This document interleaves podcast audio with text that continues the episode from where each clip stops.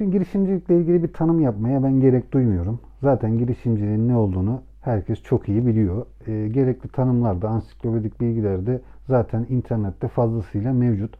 E, ben bugün genç yaşında girişimci olmuş e, ve hali hazırda halen hayatını da ticaretle idame ettiren birisi olarak e, girişimci olacak arkadaşlara veya yeni girişimci olmuş arkadaşlara bazı tavsiyelerde bulunmak istedim. Bazı yayınlara denk geliyorum.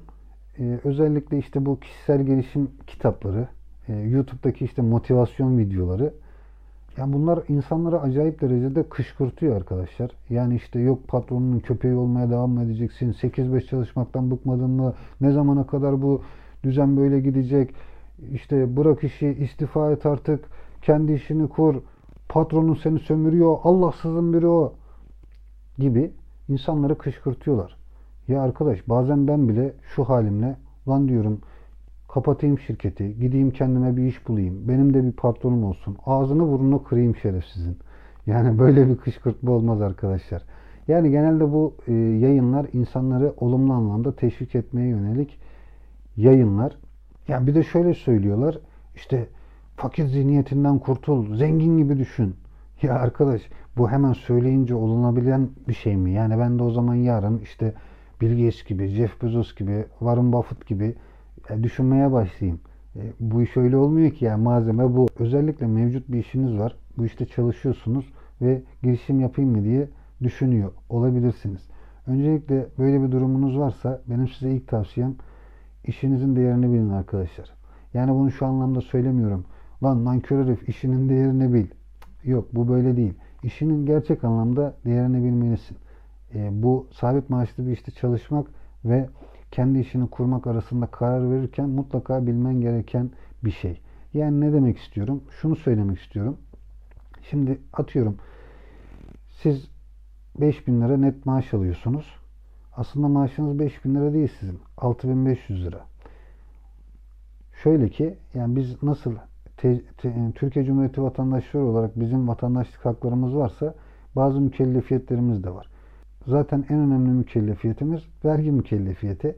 Dolayısıyla şöyle işvereniniz size aylık 5000 lira öderken aynı zamanda bin, bunun 1500 lirasını da vergi olarak devlete ödüyor.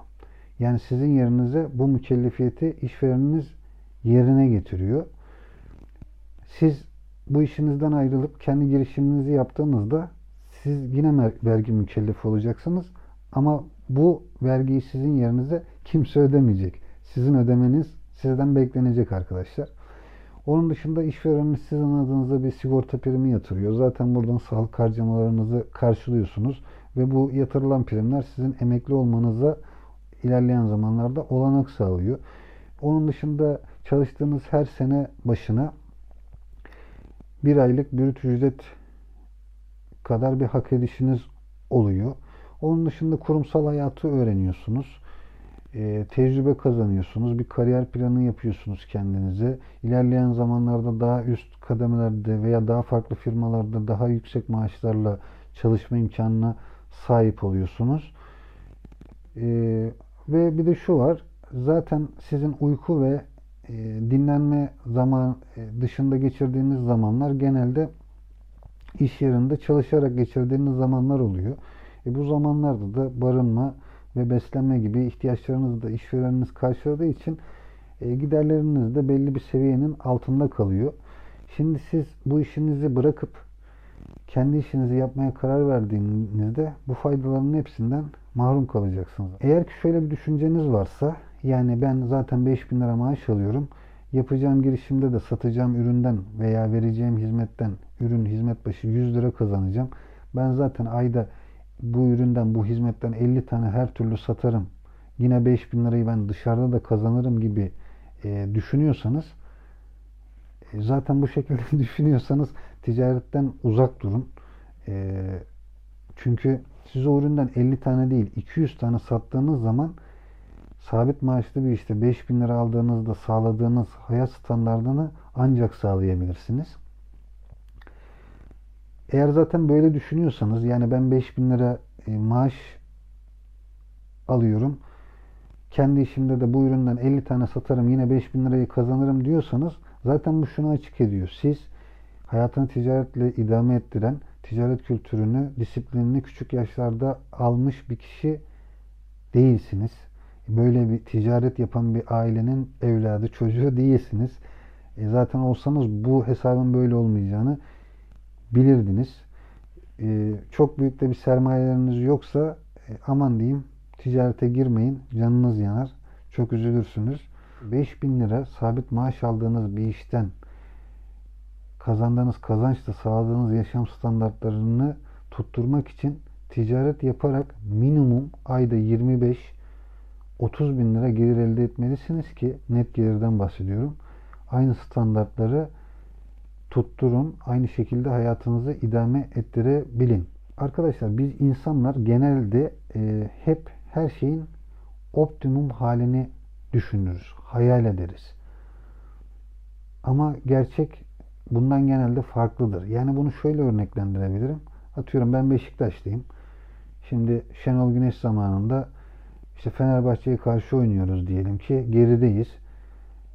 Kovarejma yedek kulübesinde dakika oluyor 70, 75, 80. İşte biz taraftarlar herkes işte alsana Kovarejma'yı be adam manyak mısın Kovarejma'yı al al al oyuna. Yani orada bize şöyle geliyor. Yani orada Quaresma'nın en iyi, en verimli maçları zihnimizde canlanıyor. Yani biz sanıyoruz ki Quaresma oyuna girecek. Böyle triveleler, mirveleler böyle Fener'e iki tane çakacak. Biz Fener'i orada al aşağı edip geleceğiz. ya biz bunu düşünüyoruz da teknik adam düşünemiyor mu? O da düşünüyor. Ama yani adamın demek ki bir sorunu var. Yani adam ya hafta içinde e, karısıyla kavga etti. Ne bileyim yani Portekiz'den babası aradı belki fırça çekti. Yani annesiyle kavga etti. Belki adam hasta, nezle, grip yani e, bunun gibi şeyler olabiliyor. Bazı kısıtlayıcılarla karşılaşabiliyoruz iş hayatında. Normal hayatımızda da karşılaşıyoruz. Ama genelde girişim yapılacakken bunlar e, göz ardı edilebiliyor arkadaşlar. Böyle yapmayın. Yani bütün yönleriyle yapacağınız girişimi inceleyin. Duygusal kesinlikle davranmayın. Yani ben bu işi yaparım, bu işten para kazanırım, kar ederim diye o işi mantıklı görmeyin. Şunu unutmayın arkadaşlar. Kapanan ve iflas eden birçok işletme para kazanamadığı için değil, yeterince para kazanamadığı için kapanıyor, iflas ediyor. Yoksa e, o işletmeler de para kazanıyor. Yani zararına satış yapmıyor. Yaptığı satışlardan e, zarar etmiyor. Onlar da kazanıyor ama sizin faaliyet gösterebilmeniz için zaten belirli maliyetler var. Bu maliyetlerin altında geliriniz olduğu zaman e, batıyorsunuz, patlıyorsunuz. Yani sizin iş fikriniz ya bu iş para kazandırır diyorsanız bu şu anlama gelmiyor. O iş mantıklıdır anlamını taşımıyor. Bunu da göz ardı etmeyin lütfen. Yani şimdi iş fikrinizin çok benzersiz, paha biçilemez olduğunu düşünüyor olabilirsiniz. Ki zaten muhtemelen de öyle düşünüyorsunuzdur.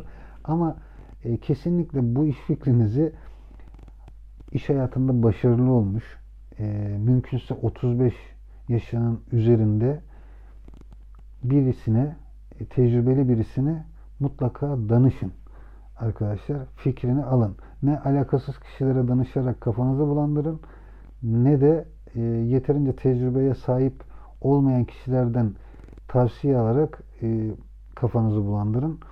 Bir de bu tavsiyeleri alırken tavsiye aldığınız kişi gerçekten geçmişte girişimci olsun arkadaşlar. Şimdi ben internette bakıyorum. Adamın babasının trilyonları var. Yatı var, katı var. Adam gidiyor girişimcilik tavsiyesi veriyor. Girmiş bir sektöre orada faaliyet gösteriyor.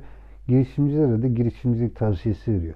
Arkadaş girişimcilik tavsiyesini bırakın girişimciler versin. Siz girişimci değilsiniz. Siz yatırımcısınız. Yani yatırımcı ile girişimci arasındaki fark zaten budur. Şimdi mesela adam geçen bir tane kanalda denk geldim. Bilkent mezunu böyle bir işte hani nasıl diyeyim zengin bebesi diyeyim. Yani girmiş o da internette falan satış yapıyor. Bir kanal açmış YouTube'da da yayınlar yapıyor. Şimdi işte girişimcilik şöyledir. Girişimci olmak için böyle yapacaksınız. Şöyle yapacaksınız. Ya arkadaş şimdi şöyle bir şey var. Sen o yaptığın işte başarısız olsan atıyorum 300 bin lira 400 bin lira bir zarar etsen yani ne olacak bana söyle söyle gelecek baban Diyecek ki ya senin yaptığın işe e, diyecek. Ondan sonra e, alacak seni çıkartacak oradan.